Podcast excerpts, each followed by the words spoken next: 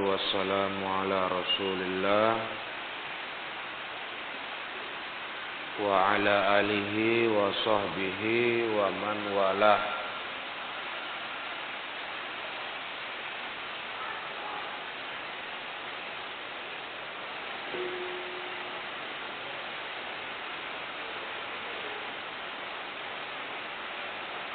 alamatul jahmiyah yang itu.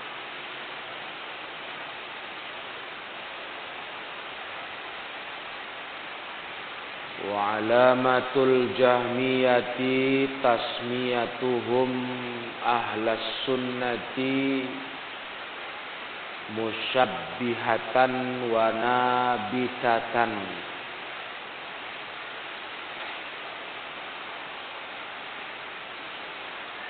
dan tanda-tanda kelompok Jahmiyah adalah mereka menamakan ahli sunnah dengan nama musyabbihah. Mereka bilang ahli sunnah itu musyabbihah yang menyerupakan Allah dengan makhluk.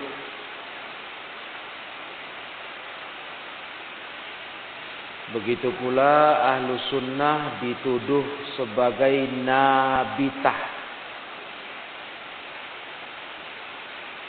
Nabitah kelompok yang dikatakan membuat menumbuhkan bid'ah baru dalam Islam.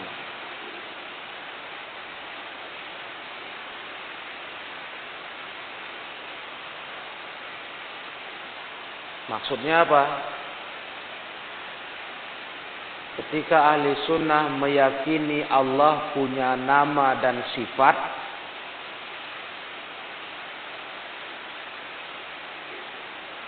Orang-orang Jahmiyah menganggap itu adalah penyerupaan Allah dengan makhluk.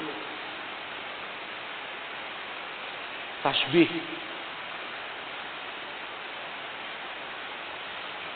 Maka mereka menggelari ahli sunnah dengan musyabbihah.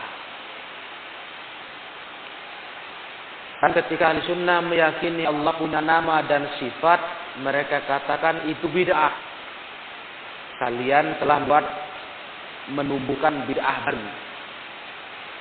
Maka mereka menggelari ahli sunnah dengan nama Nabitah. Nabitah yang menumbuhkan. Berarti yang baru membuat.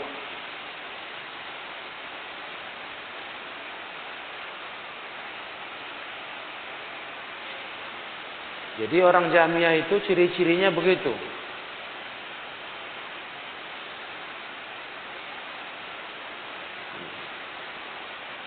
Karena mereka tidak yakin Allah punya nama dan sifat. Kalian sudah tahu itu. Allah Ta'ala tak punya nama, tak punya sifat. Karena menurut mereka itu mirip makhluk.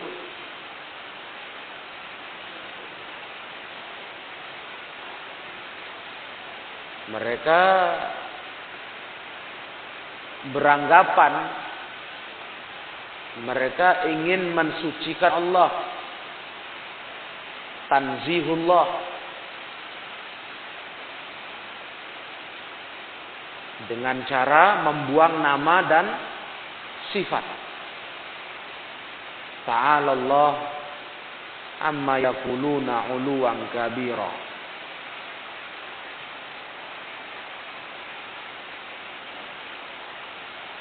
Kita sudah belajar kelompok Jahmiyah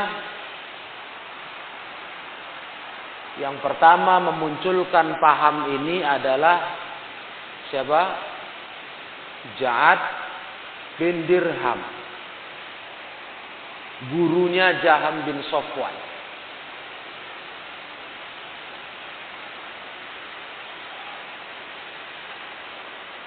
Cuma yang mempopulerkan paham Jahmiyah ini Jaham bin Sofwan. Sehingga dikenallah dengan paham Jahmiyah, bukan Ja'diyah.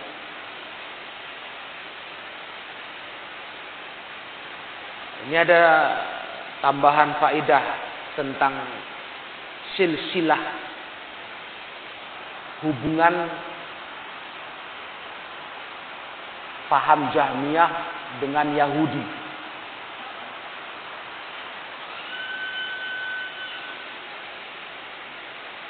Jaham bin Safwan berguru kepada Ja'ad bin Dirham.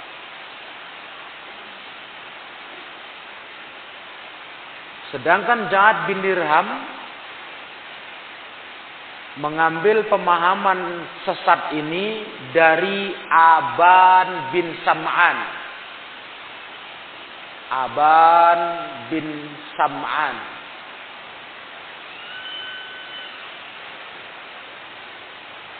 Aban bin Sam'an. Dan Aban bin Sam'an mengambil pemahaman ini dari Talut Talut.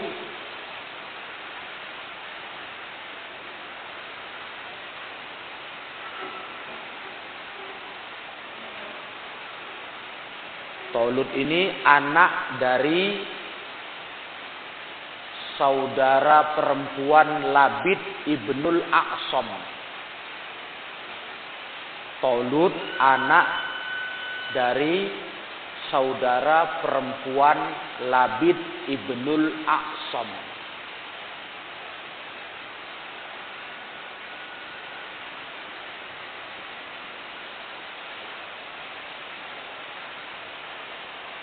Dan Talut mengambil pemahaman ini dari pamannya. Siapa? Labid ibnul Aqsam. Karena dia anak dari saudara perempuannya. Berarti kalau bahasa Arab apanya itu? Paman dari ibu. Hol apa am? Hol. Hol. Holuhu. Tolut mengambil paham ini dari Labid ibnul A'som, paman dia. Dan kalian tahu siapa Labid ibnul A'som? Dialah Yahudi yang dulu menyihir Nabi. Labid ibn al-A'sam adalah Yahudi yang dulu menyihir Rasulullah sallallahu alaihi wasallam.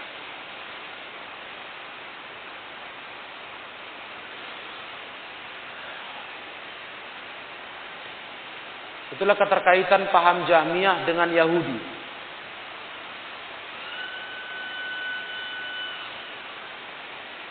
Sudah? Kita ulangi.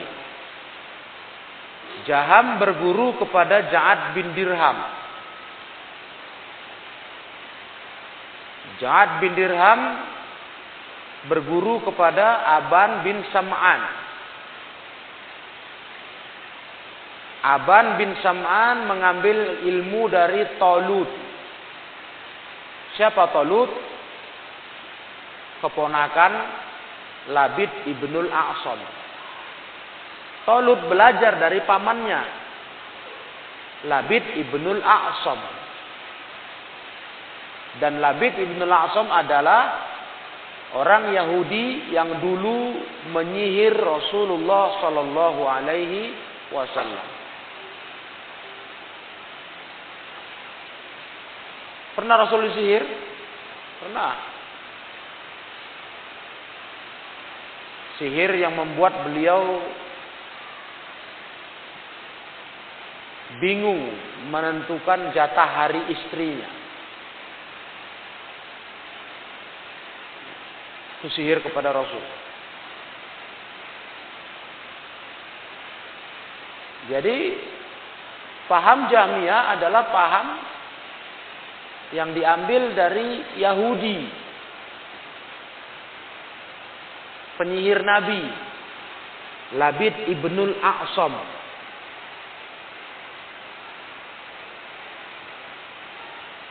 Nah. Itu penting kalian tahu. Supaya kalian bisa menerangkan kepada umat jeleknya pemahaman Jahmiyah. Artinya ilmunya berarti warisan dari Yahudi. Temdom? Ilmu paham Jahmiyah warisan Yahudi. Turun menurun sampailah kepada Jaham bin Sofwan. Karena kalau warisan Rasulullah mengajarkan kepada kita Allah punya nama dan punya sifat. Itu warisan Rasulullah. Allah punya nama dan sifat. Walillahil asmaul husna kata Al-Qur'an. Bagi Allah milik Allah nama-nama yang sangat indah. Fad'uhu biha.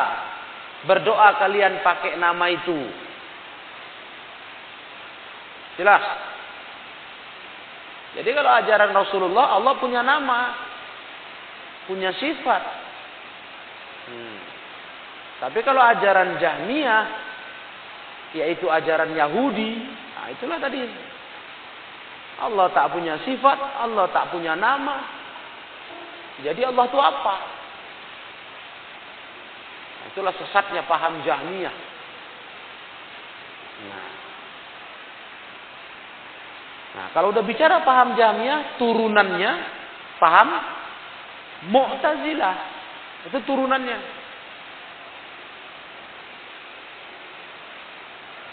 Dari Jahmiyah muncul Mu'tazilah.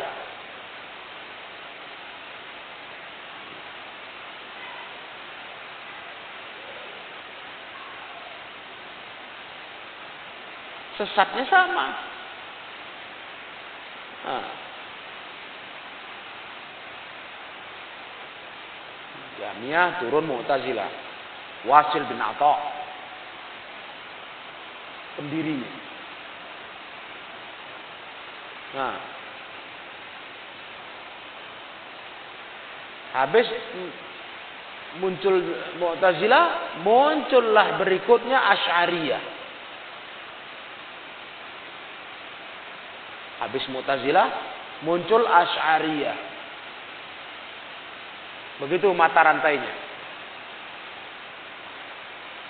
Kebidahan masalah asma wa sifat itu runtutannya seperti tadi. Jahmiyah, Mu'tazilah, Asy'ariyah. Nah, di masa Asy'ariyah inilah muncul Maturidiyah. Berdekatan dia. Dan semua nama-nama kelompok yang kita sebut ini bukan ahlus sunnah.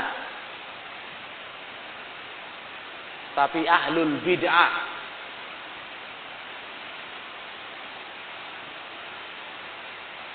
Jahmiyah, Mu'tazilah, Ash'ariyah, Maturidiyah bukan ahlus sunnah, tapi ahlul bid'ah.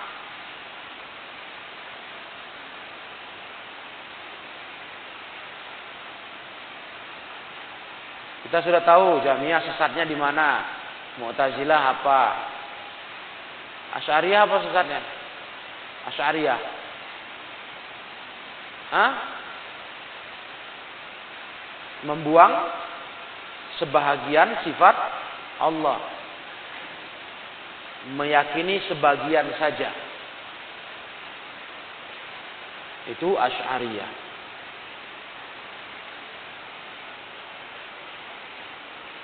Atau yang dikenal orang sifat 20, sifat 12. Nah ini kelompok Asy'ariyah. Dan Asy'ariyah bukan ahlus sunnah.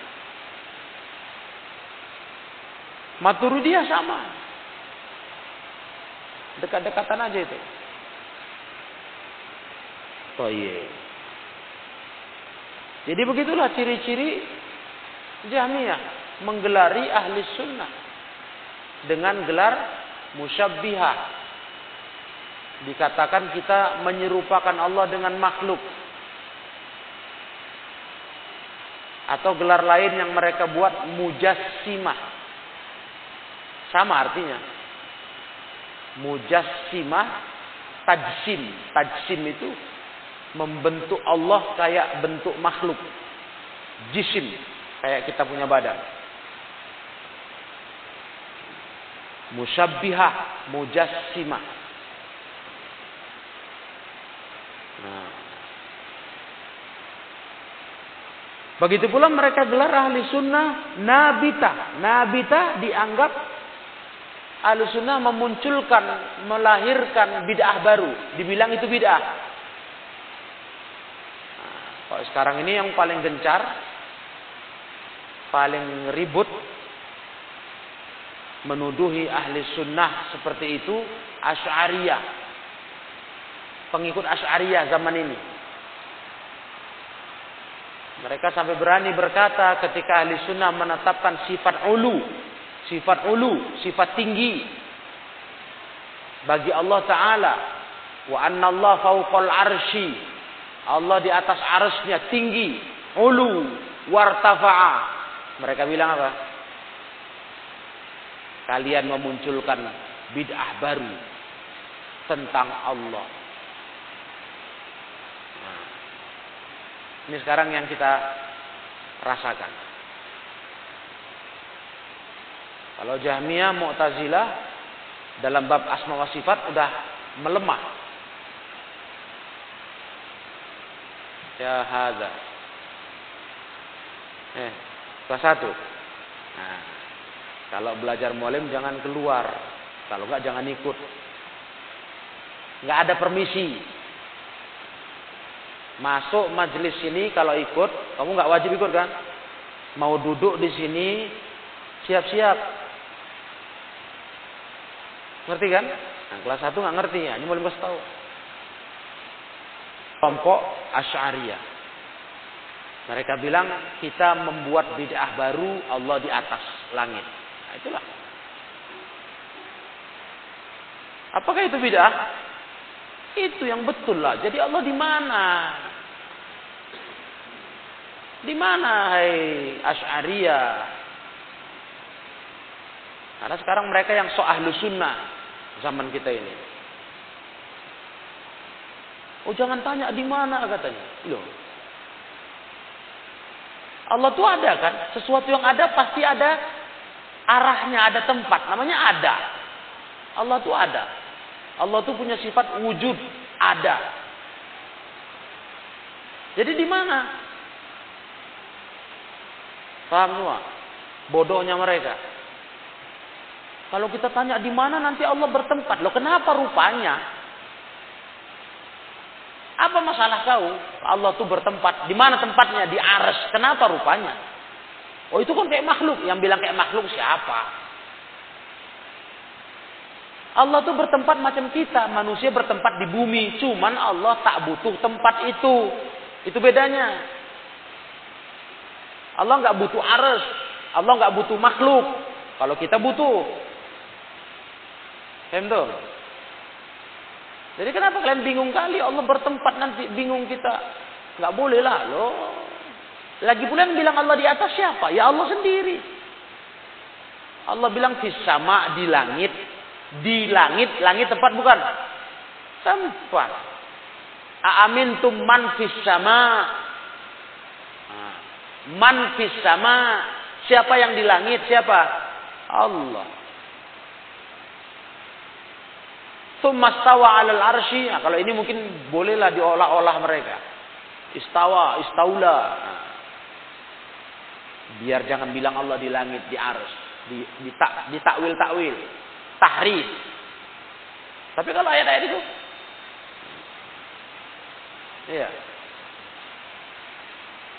Ilaihi yas'adul kalimut thayyib kepada Allah naik kalimat yang mulia yang baik. Naik ke mana? Ke mana? Ke atas. Jadi yang di atas siapa maksudnya naik kepadanya? Siapa? Ah, siapa? Allah kan? Iyalah, mungkin ayah kau bilang. Payah kali, gerem kali kita nengoknya. Dalilnya banyak kali, masih juga lawannya lagi. Nggak bisa gitulah. Allah jangan bertempat. Otak kau tuh betulkan dulu. Jangan kau miripkan Allah dengan makhluk. Nanti kau sama aja kayak Jahmiyah. Kenapa kalian percayai sebagian sifat Allah? Toh sifat yang kalian percaya itu pun ada pada makhluk. Mereka percaya sifat melihat, mendengar, ilmu. Ada pada makhluk juga nya. Makanya Asyariahnya lebih memuakkan, tahu kalian? Betul. Lebih memuakkan nengoknya kalau orang bertingkah. Dibilang bandit enggak? Dibilang orang baik enggak? Nanggung. Muak gitu kan? Jadi mau diletupkan enggak payah gitu loh istilahnya. Mau ditumbuhkan payah ini. Enggak jahat kali juga, tapi jahat tapi baik enggak juga. Muak gitu nengok orang kayak gitu. Jelas bandit betul kayak Jahmiyah. Ah, itu sedap ya. Oh, ini memang lawan betul ini. Mu'tazilah jelas la syariahnya lah bencong kata ulama. Betul nggak? Ini ulama yang bilang al asyairatu makhonisul mu'tazilah. Asy'ariyah itu bencongnya mu'tazilah. Bencong, muak gitu namanya. Kayak mana nengok orang bencong? Lebih sedap nengok bandit betulan. Bencong tapi nikam aja aja kalian. Nampaknya lemah lembut tapi tikamnya gitu. Om bencong. Ngeri bencong dengan geledek aja-aja bencong. Sadis itu. Nampaknya dia kayak perempuan. Jangan macam-macam kalian. Nah itu muak kita kan. Yang asari ini muak. Sekarang nih so, so ahli sunnah lah di, di Indonesia ini. Kamilah ahli sunnah. Ahli sunnah apa? Mana ada ahli sunnah membatasi sifat Allah? Sifat Allah itu diimani semuanya.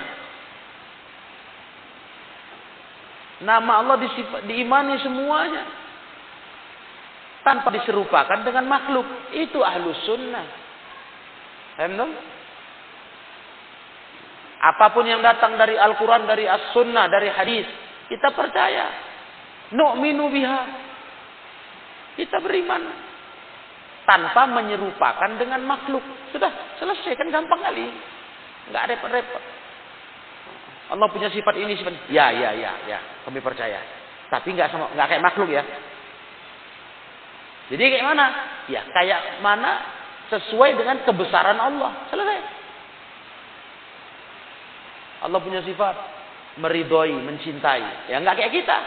Kita mencintai kita kelas makhluk ini kelasnya Allah yang sempurna kan itu selesai kan ada payahnya nggak nggak payah Nah, itu ahlu sunnah. Enak ahlu sunnah itu. Tapi kalau asyariah ribet. Pusing gitu. Mu'tazilah mentakwil-takwil. Sifat Allah. Asyariah membuang. Tinggal sikit aja. Astagfirullah. Nah begitulah. Keburukan kelompok Jahmiyah. Dengan turunannya. Memang di sini turunannya nggak disebut dalam matan, dalam syarah ulama terangkan turunannya itu tadi. Jahmiyah, Mu'tazilah, Asy'ariyah. Ini turunannya. Mata rantainya. Nah, Jahmiyah, Mu'tazilah, Asy'ariyah. Nah, baik. Sudah paham kalian masalah Nabi kan? Ada juga di beberapa kitab disebutkan ulama, mereka juga menamakan ahlu sunnah dengan ghusaan. Ghusaan.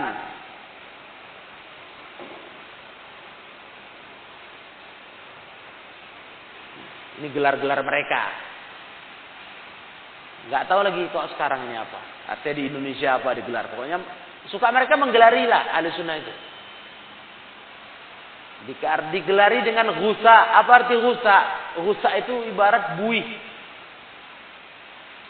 Kata mereka, kalian kayak buih aja kalian. Nah, ya, buih yang gak ada. Namanya buih. Buih mana ada harganya di air. Yang ada paling gabung sama sampah-sampah, buih-buih itu.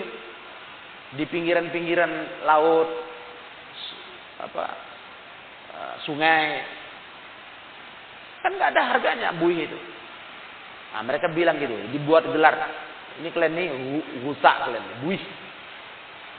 Menunjukkan penghinaan rendah kalian, gitulah.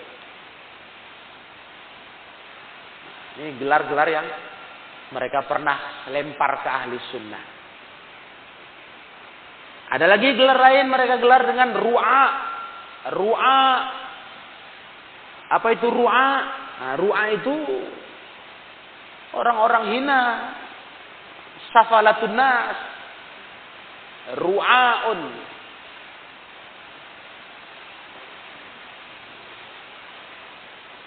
Gelar-gelar oleh mereka.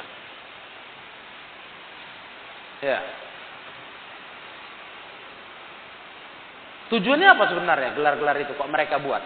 Untuk membuat orang lari dari ahlu sunnah. Tanfirun nas. Biar orang lari. Jangan mau dengar kajian ahli sunnah. Nah, itu tujuannya. Tanfirun nas. Jadi orang udah ditanamkan di otak orang apa? Rasa takut dengar kajian ahli sunnah yang benar ini. Awas, itu kelompok sesat. Kalau zaman kita sekarang-sekarang ini, ya bukan sekarang, bukan baru kali lah. Nah, mereka gelar apa? Wahabiyah. Itu gelar mereka. Biar orang takut. Dibuat dulu cerita, Wahabi ini adalah paham begini, begini, begini, antek-antek Yahudi, dibuat dulu cerita. Nah, baru udah disebar ke masyarakat apa itu Wahabiyah. Kelompok yang tak cinta wali, tak menghormati orang soleh, karena mereka gerem. Kuburan keramat di Najd, ya, di Hijaz. Dihancurkan oleh pemerintah Saudi Arabia dengan bimbingan Syekh Muhammad bin Abdul Wahab. Habis kubur keramat. Sedangkan mereka ini penyembah kubur keramat. Jadi mereka marah. Kesel. Dicarilah cara untuk menjelekkan ahli sunnah. Nah, dibuatlah cerita yang populer sampai sekarang. Itu Muhammad bin Abdul Wahab itu oh, antek Yahudi itu begini begini. Maka negara Saudi Arabia itu negara Wahabi. Nah, karena Syekh Muhammad bin, bin Abdul Wahab adalah seorang ulama yang dimuliakan di sana. Awal berdirinya negara Saudi Arabia. Saudi Arabia itu menjadi sebuah negara itu dibina oleh dua tokoh. Satu dari tokoh pemerintah, satu dari tokoh ulama. Nah, dua ini bekerja sama. Ya. Paham Pemerintah, ulama. Jadi pemerintah urusan fatwa diserahkan ke ulama. Nah, diserahkan kepada Syekh Muhammad bin Abdul Wahab. Ngatur negara, pemerintah. Nah, Syekh Muhammad bin Abdul Wahab setelah begitu sepakat beliau berfatwa. Nah, kuburan-kuburan keramat nih aku fatwakan ratakan. Nah, itu mereka pala. Memangnya salah itu meratakan kuburan keramat? Gak salah lah. Itulah pesan Nabi kepada sahabat yang diutus ke Yaman. Betul nggak? Apa pesan Nabi? Wala tada qabron musrafan illa sawaita. Jangan kau biarkan kata Nabi kuburan tinggi di atas tanah yang dimuliakan kecuali kau ratakan. Jadi mereka ini gerem. Ditambah makin parah geremnya. Ya, Saudi Arabia macam mana mau dibenci? Itu kiblat umat Islam. Di situ ada Ka'bahnya. Di situ orang haji umroh. Coba. Apa enggak hatinya terbakar. Palanya nggak bisa habis sampai sekarang. Kadang kelepasan lagi mereka cakap. Mencaci maki dakwah Syekh Muhammad bin Abdul Wahab, tapi dia datang ke sana. Maunya kau sekalian jangan ke situ. Kalau haji kau pergi, pergi kau ke mana gitu. Betul? Kan benci kali kalian sama Syekh Muhammad Wahab, ulama besar yang dimuliakan di Saudi Arabia sampai hari ini. Ajaran kitab-kitab beliau itu yang menjadi rujukan. Benci kali kalian, jangan haji ke sana. Ya kan? Entah haji kalian ke Tokyo. Ya, Hong Kong. Gitulah. Ini haji juga ke sana. Umroh rajin kali malah bisnis dari umroh cari makan. Buka travel umroh. Ngapain kau cari makan ke Saudi, cari jemaah? Itu yang kau bawa orang ke sana tuh tempatnya Wahabi yang kau bilang sesat. Ah, jangan banyak cerita lah. Nah, ini yang kalian harus tahu sekarang. Kalau udah dengar bilang Wahabi, ini semua nih ulahnya Asy'ari. Itu yang paling getol. Asy'ari Sufi itu itu saudara itu. Saudara tiri seayah itu. Eh tiri kok tiri kandung. Sufi Asy'ari. Aduh, kalau udah itu ampun udah. Nah. Ya. Karena kalau Asy'ari, uh, Asy'ari menentang Allah di langit, masuk Sufi, Allah di mana-mana. Itu aja udah bahaya juga harusnya. Di mana-mana itu kan tempat. Di mana-mana tempat enggak? Ya berarti ada di kanan, ada di kiri, ada di pojok, ada di belakang, ada atas, ada bawah. Ya namanya di mana-mana kan tempat.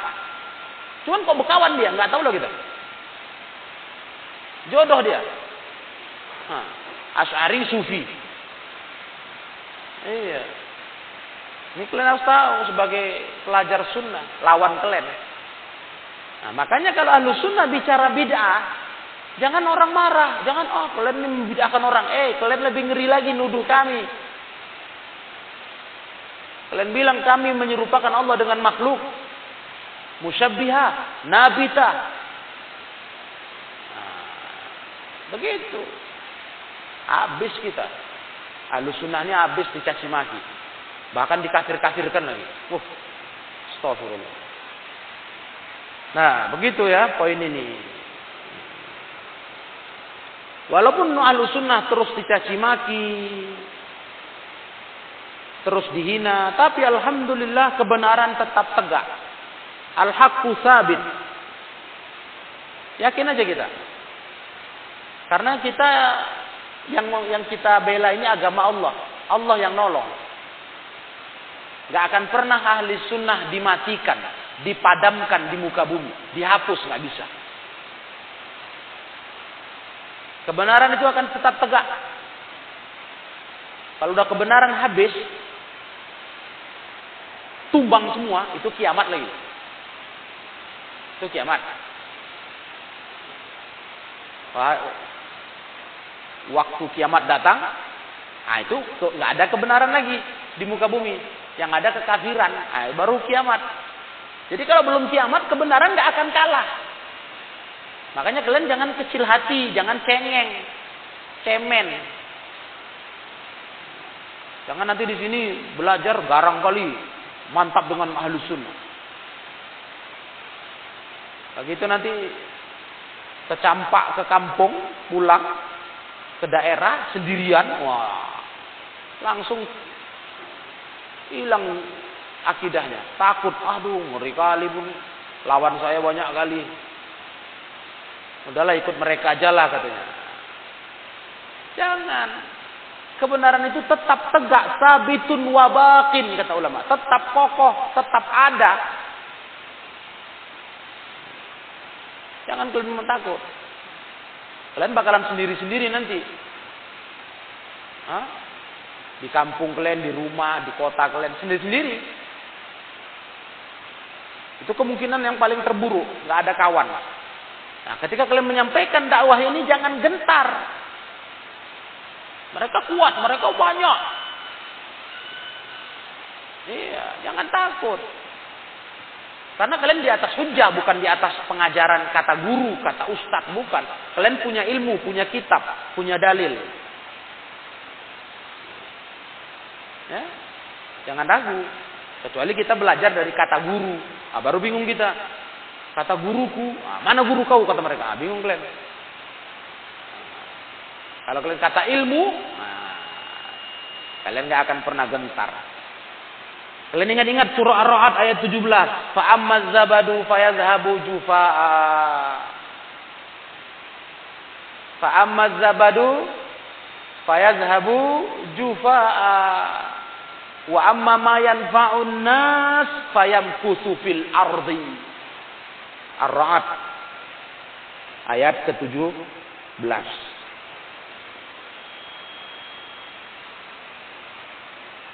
Adapun zabat yang sia-sia, yang gak berguna di muka bumi, itu akan hilang saja. Ya zahabu jufa. Jangan khawatir. Tapi adapun yang bermanfaat untuk manusia akan kokoh di muka bumi.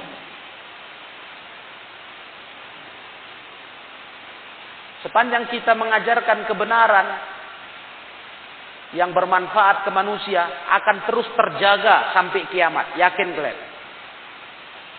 Jangan gak ragu, jangan bimbang. Wa amma ma yanfa'un nas fayamkuthu fil ardi. Jalan terus. Jangan mundur, jangan cengeng. Nanti mati pun sendiri-sendiri kok takut. Kok takut nggak dijauhi masyarakat? Nanti berhadapan di depan Allah sendiri-sendirinya. Mati pun gak rame-rame sendiri-sendiri. Ya kan? Nah ini mental kalian harus dilatih sekarang, diasah. Jangan ditekan orang nanti di luaran, takut. Gak ada. Tengok Imam Ahmad. Ditekan pemerintah, bukan lagi masyarakat. Pemerintah menyuruh beliau berkata Quran mah makhluk. Bagaimana Imam Muhammad? Mundur? Menyerah? Enggak. Padahal tinggal dibilang aja, ya makhluk udah selamat. Nah, bisa. Kalamullah. Oh, bandel kayak tangkap, masuk penjara, cepret, sekian tahun, bertahun-tahun. Enggak apa-apa. Padahal tinggal ngomong aja, ya udahlah makhluk lah, aman. Itu kita tiru. Nah, iya. Begitu. Jangan penakut ya. Ya. Bandal bandal dalam prinsip agama nggak apa-apa. Biar aja mereka kesel lihat kalian. Bandal kali ya orang satu nih. Gak mau dia berubah. Gak apa-apa. Ya kalau untuk ini aku bandal. Hah? Bandal betul. Tak akan aku mau nyerah untuk berkata sifat Allah itu terbatas. Untuk berkata Allah di mana-mana. Allah nggak di aras. Aku nggak akan mundur sampai kapan pun bilang. Aku akan berkata Allah di arasnya. Ini alasanku, dalilnya. Gimana kalian bantah? Coba bantah dulu. Kalau mereka nggak berani ilmiah, dengar kalian ya. Boleh pastikan ini sama kalian. Pengalamannya, mereka nggak berani duduk ilmiah. Pernah dulu mereka coba, wah nggak temakan dia hujah ahli sunnah. Nah, nggak temakan, nggak tergigit kata orang. Nah, jadi jurus berikutnya apa? Doktrin, doktrin itu pemaksaan. Pokoknya kami nggak mau tahu kalian sesat. Nah, gimana caranya itu? Bilang aja aku pun nggak mau tahu kau sesat dah. Namanya nggak mau tahu. Asal cakap aja. Aku pun dia bilang. Nah, kapan selesainya kalau kalian mau selesai?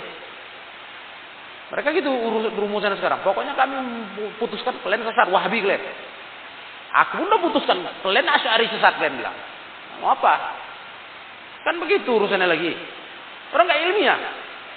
Main tuduh-tuduh tuduh-tuduh aja, tunjuk-tunjuk hidung aja. Pandai pun kita. Sama kayak orang ngejek kau, jelek kau, kau pun jelek bilang. Susah, susah kali sih, tinggal mulut aja main kok. Hah? Ngotot sedikit kenapa? Jangan bandal di tingkah laku aja. Teriak dikit kenapa kata orang? Dia enak aja bilang, pokoknya wahabi sesat. Kau sesat kau. Asyari sesat kau bilang. Sufi sesat kau bilang. Nah, pengikut iblis sufi. Ya betul ulama bilang begitu. Gampang aja kalau cuma tunjuk-tunjuk hidung upaya. Awak punya mulut, awak punya tangan, nunjuk pun pandai. Nah, ada ngerti kalian? Ini manhaj, jangan dirubah, jangan mundur. Kalian punya hujah, punya ilmu, bukan pakai kajian-kajian cakap kosong ini, pakai dalil, pakai kitab. Ada ilmunya tertulis. Nah, begitu ya.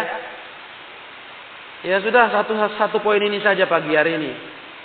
Masalah Jahmiyah. Jadi ini ibarat melengkapi lah. Kalau kemarin kan uh, dulu sebelumnya di awal kitab udah pernah kita singgung. Jadi diulang lagi dengan lebih penekanan terkait dengan ciri-ciri ciri-ciri mereka suka menggelari ahlus sunnah wal jamaah dengan gelar-gelar jelek. والله أعلم. طيب إلى هنا. سبحانك اللهم وبحمدك أشهد أن لا إله إلا أنت أستغفرك وأتوب إليك والحمد لله رب العالمين.